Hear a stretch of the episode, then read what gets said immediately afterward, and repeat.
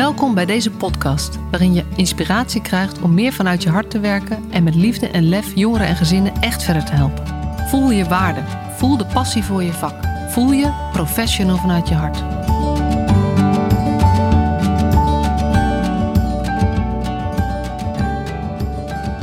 Hey, wat ontzettend leuk dat je weer luistert naar de Professional vanuit je hart podcast, aflevering 174.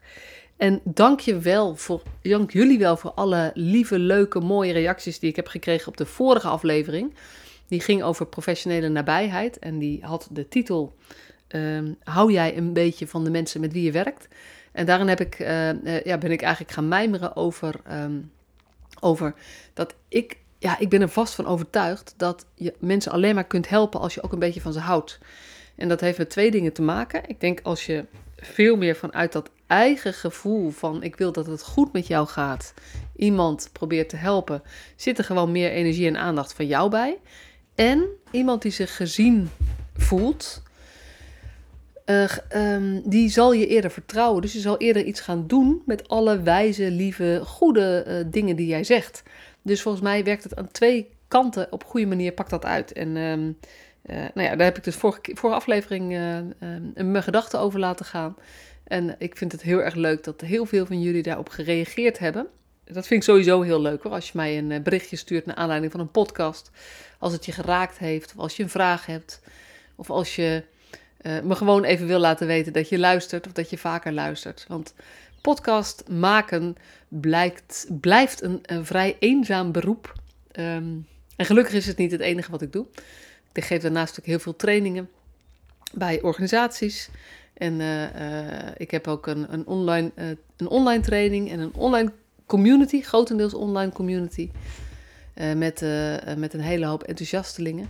Maar toch, dat podcast maken, dat blijft af en toe een beetje eenzaam. En soms heb ik het gevoel dat ik het de ether ingooi, de lucht ingooi. Um, en dan weet ik niet voor wie. En het is heel grappig dat juist die momenten dat ik me afvraag van, goh, helpt het wel? Dat ik dan heel vaak uh, juist ook een aantal reacties kreeg. En uh, dat was vorige week, dus uh, was ik super blij mee. Als jij mij ook een berichtje hebt gestuurd, dankjewel. Um, en um, mocht je het nog niet hebben gedaan, maar je bent wel enthousiast over deze podcast, zou je dan alsjeblieft een review willen geven in Apple Podcast of in Spotify? Met sterren of met stippen of hoe het ook heet, of een geschreven review, um, waarom andere mensen ook zouden moeten luisteren. Want dat betekent dat, dat de podcast onder de aandacht wordt gebracht, ook van andere mensen. En dat vind ik alleen maar fijn. Want ik maak de podcast toch en dan is zoveel mogelijk luisteraars wel heel erg leuk. Dus um, dankjewel alvast. Um, en de podcast van vorige week met de reacties die daarop kwamen, um, heeft mij nog wel weer aan denken gezet. Want ik ben aan de ene kant een heel groot, nou ja, niet aan de ene kant, ik ben een heel groot pleitbezorger. En ik ben heel, ja, ik ben, ben bijna evangelist over het gegeven dat je inderdaad moet houden van de mensen met wie je werkt. En er zit voor mij een stukje naast dat je je ook altijd moet realiseren dat jij tijdelijk bent toegevoegd aan het leven van deze mens. En um, um, op het moment dat je alleen maar focust op van ik moet houden van de mensen met wie ik werk, dan kan, kan het er ook toe leiden als je langer betrokken bent, dat jij de belangrijkste persoon wordt in zijn of haar leven. En uh, uh, dat voelt dan heel liefdevol. En dat is op dat moment ook echt heel liefdevol. Maar mocht jij een andere baan krijgen, mocht jij je been breken, mocht jij um, er gewoon iets gebeuren met jou waardoor je uh, nou ja, met je aandacht ergens anders bent en niet kunt komen werken, dan um, ben jij er niet meer. En dat betekent dat die liefdevolle relatie, dat liefdevolle contact wat jullie hebben, er ook niet meer is. En dat betekent dat eigenlijk die, die, uh, die persoon, die cliënt, die jongere, die ouder, die ouderen, misschien werk je daarmee, uh, dat, ze, dat, dat, jij, dat die ook weer alleen zijn. Dus um, ja, heel liefdevol, uh, een beetje houden van de mensen met wie je werkt en altijd beseffen dat jij een bijzonder soort um, uh, uh, contactpersoon bent, omdat je professioneel bent toegevoegd. En uh, tenzij je besluit dat jij diegene vanaf nu altijd op je verjaardag zult uitnodigen, of dat je altijd op de verjaardag van deze persoon zult komen, um, ook als je ergens anders gaat werken of als je, als je um, eh, ziek bent, bij wijze van spreken, ja, dan kan je niet naar een verjaardag toe, maar je snapt het principe. Ehm, dan moet je je afvragen: ehm, hoe belangrijk ben ik? Welke plek neem ik in? Welke positie neem ik in? En hoe kan ik ervoor zorgen dat de persoon niet te afhankelijk wordt van mij? En, ehm, eh, en dan nog, en dan toch in verbinding blijven en liefdevol blijven. Dat is natuurlijk een spanningsveld. Ik zat daar over te na, na te denken naar aanleiding van de podcast van vorige week. En ehm, eh, toen bedacht ik ook ehm, de vraag: maak jij jezelf overbodig? Ik denk dat veel mensen die naar deze podcast luisteren, werken in de, in de zorg, misschien het onderwijs, breder in het sociaal domein. En in heel veel van, uh, van deze takken van sport, deze takken van uh, deze werksoorten, is jezelf overbodig maken, zou wat mij betreft onderdeel moeten zijn van ons professioneel bewustzijn. En er zijn uitzonderingen. Ik denk dat er, dat er een groep um, uh, er is natuurlijk een groep mensen waarvan we weten dat ze nooit voor zichzelf zullen kunnen zorgen en altijd afhankelijk zullen zijn van professionals. Ik heb ook een podcast opgenomen met Lenny Wezenbeek begin dit jaar over mensen met een ernstige verstandelijke beperking en ehm, lichamelijke problemen, die ook nou ja, weinig familie vaak nog hebben omdat ze al ouder zijn. Ehm, ja, dan is jezelf overbodig maken ja, dan wordt het heel ingewikkeld. Maar als het gaat over het, het gros van, van, de, van de, uh, de, zorgvarianten uh, waar we het over hebben, um, dan, gaat het, dat, dan is wel een van de doelen volgens mij dat je jezelf overbodig maakt. En ik zat daarover na te denken en ik luisterde. De, de aanleiding was eigenlijk een podcast die ik zelf hoorde over een ondernemer. Die um, uh, als klein onder, kleine coachpraktijk was begonnen en inmiddels een hele grote internetondernemer is. Dus uh, voor mij als ondernemer is dat wel indrukwekkend om naar te luisteren hoe zij dat gedaan heeft, de keuzes die ze gemaakt heeft. En dat is deels inspirerend en deels ook uh, laat het me zien wat, ik, wat gewoon echt niet bij mij past. Maar zij vertelde dat in het begin van haar coachpraktijk had zij standaard iedere week een afspraak met mensen omdat dat gewoon hoorde bij ja, hoe zij dan zag dat, uh, dat coaching eruit zou moeten zien. En ze ook heel veel individuele aandacht wilde geven. En dat werkte supergoed. De mensen waren heel tevreden. Die zetten ook grote stappen. Maar zij merkte ook dat de afhankelijkheid van deze personen van haar als coach eigenlijk toenam naarmate de coaching langer duurde. En um, ik weet zelf nooit zo goed wat is uh, de grens tussen coaching en therapie. Of wat is eigenlijk de grens tussen coaching en hulpverlening? Of, of weet je, dat, dan kom je in dat soort semantische discussies terecht. Maar ik denk wel dat dezelfde soort mechanismen, mechaniek, mechanieken spelen in al deze vormen van, uh, van begeleiding, kan je het ook noemen. Um, en zij heeft dus op een gegeven moment. Zij vond die, die afhankelijkheid die ze voelde, uh, dat, dat, dat beklemde haar een beetje. Want ze dacht, ja, ik ben toch niet verantwoordelijk voor of zij gelukkig zijn. Dat is wat er op een gegeven moment gebeurde. En toen is zij uh, heel bewust um, de afspraken minder frequent gaan doen met deze coaches. En het waren niet mensen met hele, hele ernstige problemen. Maar het waren wel mensen die behoorlijk vastliepen in hun leven. En uh, ook niet zo goed wisten hoe ze eruit moesten komen. En um, vanuit haar eerste intentie was dus: ik wil, nou, ik wil er zijn voor ze. En ik wil ze helpen. En ik wil ze steunen. En ik wil ze zoveel mogelijk aandacht geven. Um, en later de stap naar: nee, ik ga, ze, uh, ik ga ze iets minder vaak zien. Iets minder vaak begeleidingsgesprekken aanbieden. Coachingsgesprekken. En Um, zij vond het wel spannend om te doen, omdat haar eerste verwachting was van ja, dan gaan ook de resultaten waarschijnlijk naar beneden. En um, wat mij raakt in die podcast is dat het omgekeerde waar was. Dat eigenlijk toen zij de verandering maakte van wekelijks coachingsgesprekken naar, ik geloof dat het naar drie wekelijks ging of zoiets. Um, Ik weet dat niet meer precies. En, en ze maakte daar natuurlijk ook wel onderscheid. Uh, dus bij sommige mensen deed ze het ook anders. Maar de frequentie ging behoorlijk omlaag. En wat haar verbaasde en wat mij eigenlijk in eerste instantie ook verbaasde, was dat de uh, resultaten die mensen boekten eigenlijk in die periode toenamen. En nou ja, daar heeft, dat heeft zij vervolgens helemaal uitgedacht en daar ging die hele podcast over. Dus daar zal ik je niet helemaal mee vermoeien. Maar um, de thema's die daarin naar voren kwamen, was eigenlijk um, naarmate de afhankelijkheid toeneemt van een coach, maar ik denk dus ook van een therapeut of van een hulpverlener of van een begeleider, um, naarmate die uh, uh, meer beschikbaar is, neemt de afhankelijkheid vrij snel toe. Tenzij je heel erg bewust van bent. Hè? Dat is de, daarom is het dus dit, dit thema. Um, en als die afhankelijkheid toeneemt, dan worden mensen um, niet versterkt, maar op een bepaalde manier verzwakt.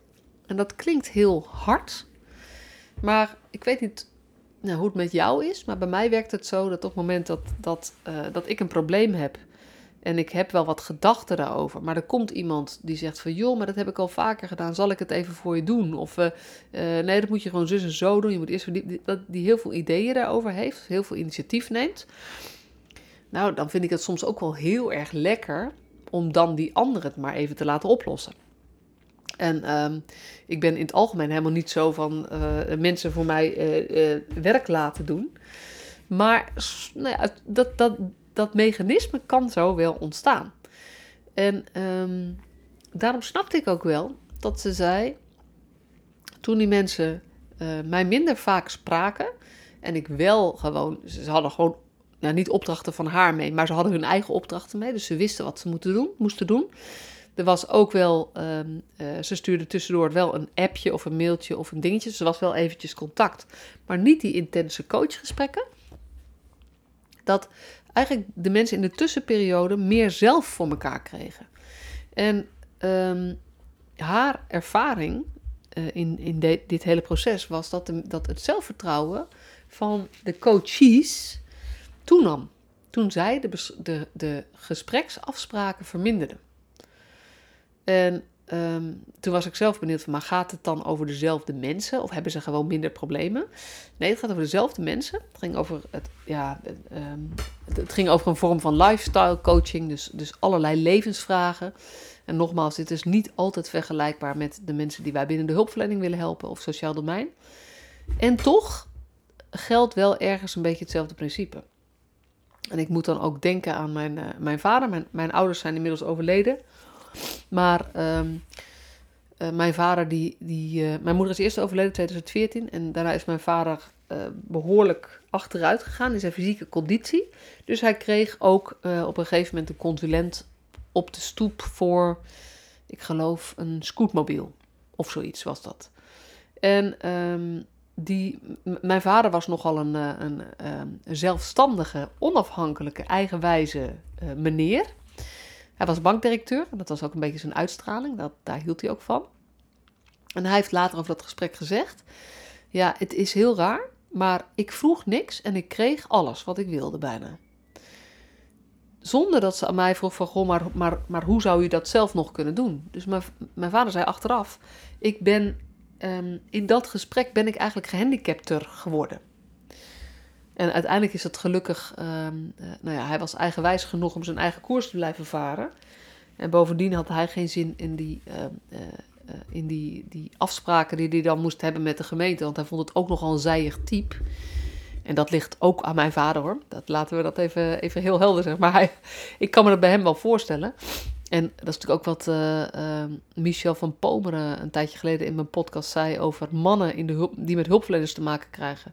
Die helemaal gek worden van dat geleuter. Laat me wat doen, zeg maar, die veel actiegerichter waren.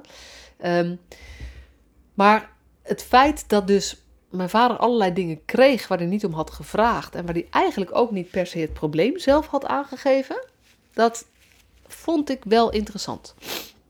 En um, uh, ik denk ook in de jeugdzorg, wat ik, wat ik heel erg herken. De jeugdzorg is natuurlijk het vakgebied waar ik zelf uitkom. Um, dat ken ik behoorlijk goed. Ik wil niet zeggen van voor tot achter, maar ik ken het wel echt heel goed. Um, en je ziet ook we hebben het over uh, kinderen die geïnstitutionaliseerd zijn, bijvoorbeeld. En dat zal je, neem ik aan, ook hebben in de verslavingszorg. Zal je ook hebben in de GGZ. Kan je ook hebben in het ziekenhuis. En heb je misschien ook wel in de gehandicaptenzorg, als je het hebt over de uh, mensen met een licht of een, matig verstandelijke beperking. En gehospitaliseerd bedoelen we dan mee dat ze eigenlijk gewend zijn dat alles voor ze geregeld wordt.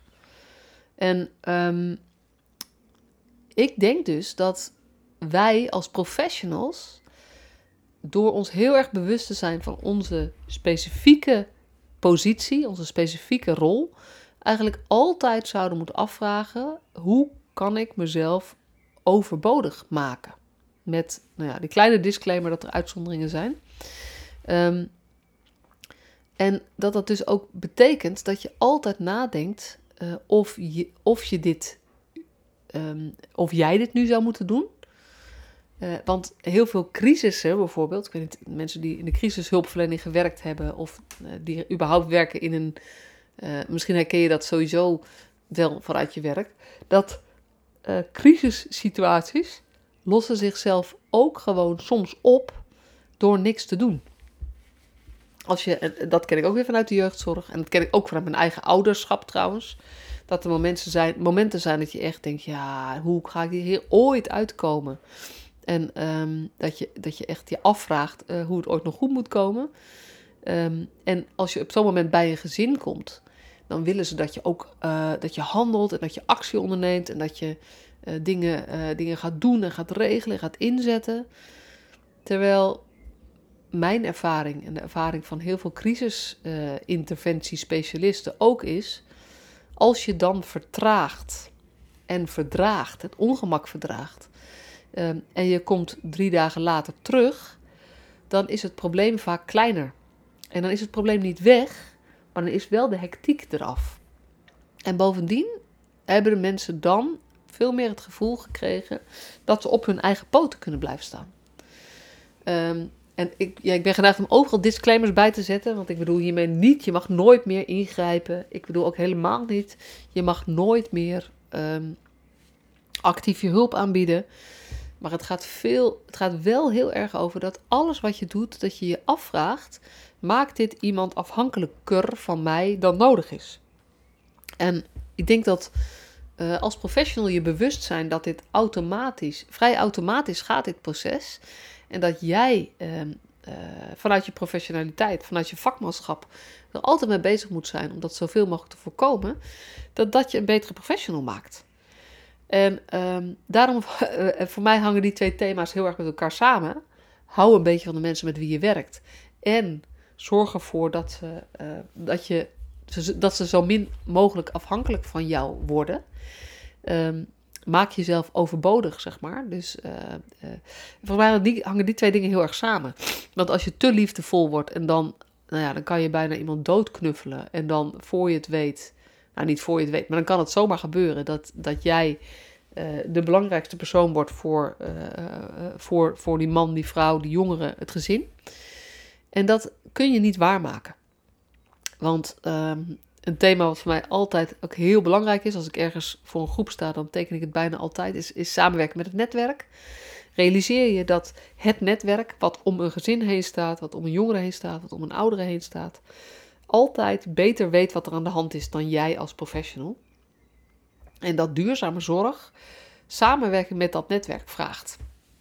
En dat betekent wat mij betreft iets anders dan uh, het netwerk betrekken bij wat wij aan het doen zijn. Daar heb ik ook volgens mij een podcast over opgenomen een keer. Maar het gaat voor mij over echt samenwerken met het netwerk. En um, ik, ik ben steeds in mijn gedachten steeds meer bezig met dat, um, dat het. We eigenlijk zouden moeten ophouden met individuele cliënten behandelen. En ik ben ook geen behandelaar. Trouwens, voor het geval je dat uh, mij hoort snotteren, ik ben, heb mega hooikoorts. Dus ik ben wat snotterig. En uh, dat uh, kan ik niet altijd helemaal voorkomen. Gelukkig valt het niezen nu mee. Maar dat, dat terzijde, want dan zou het een heel erg lastige te luisteren podcast worden. Um, maar dat we altijd zouden moeten werken met de cliënt of het gezin en de belangrijkste de mensen die voor hen het belangrijkste zijn. Omdat je daarmee volgens mij veel meer de kern te pakken hebt van waar het over gaat. En ook veel eerlijker verhaal krijgt over wat haalbaar is in de praktijk. En voor mij betekent het dus ook niet, we moeten het netwerk inzetten. Want dat, dat is wat ik heel veel zie gebeuren. Waardoor ook de mensen uit het netwerk uh, of de mensen om een gezin heen een soort terugtrekkende beweging maken. Maar wel uh, ze serieus nemen, met ze samenwerken. En ook uitleggen dat jij tijdelijk bent. Dat je altijd tijdelijk bent. En dat, dat je op zoek wil naar een lange termijn oplossing. Die voor deze jongere goed is. Die voor deze persoon goed is. Die voor dit gezin goed is. En voor de mensen om hen heen. En dat professionals nooit de rol kunnen overnemen van, uh, van, van de mensen die blijven.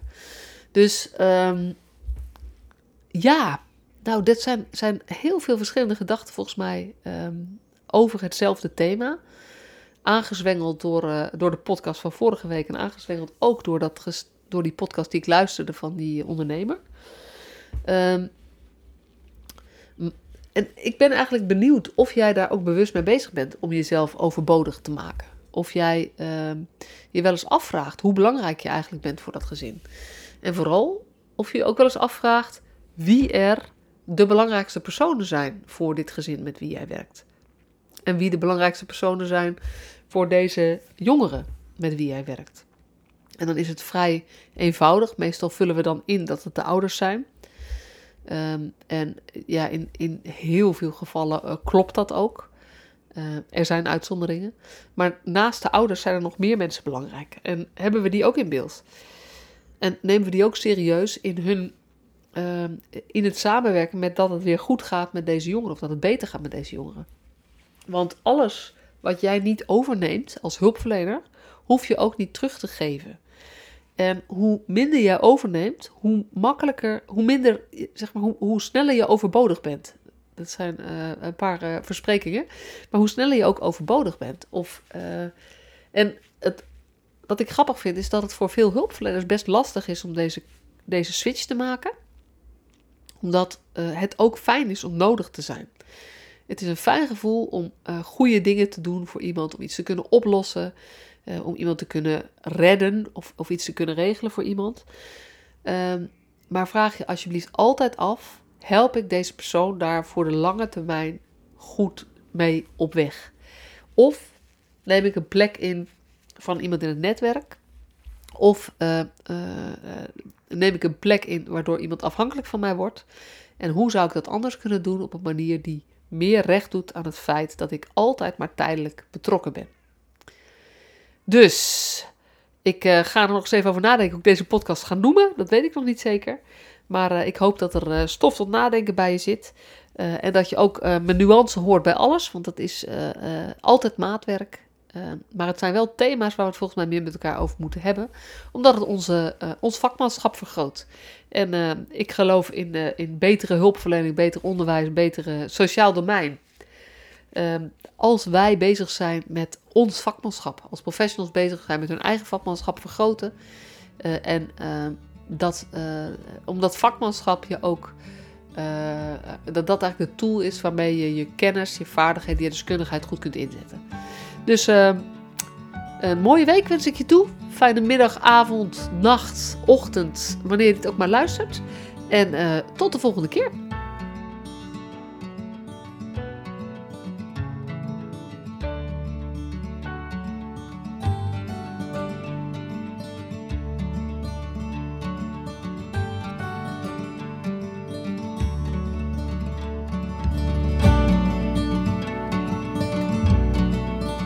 Superleuk dat je weer luisterde naar deze podcast. Dankjewel.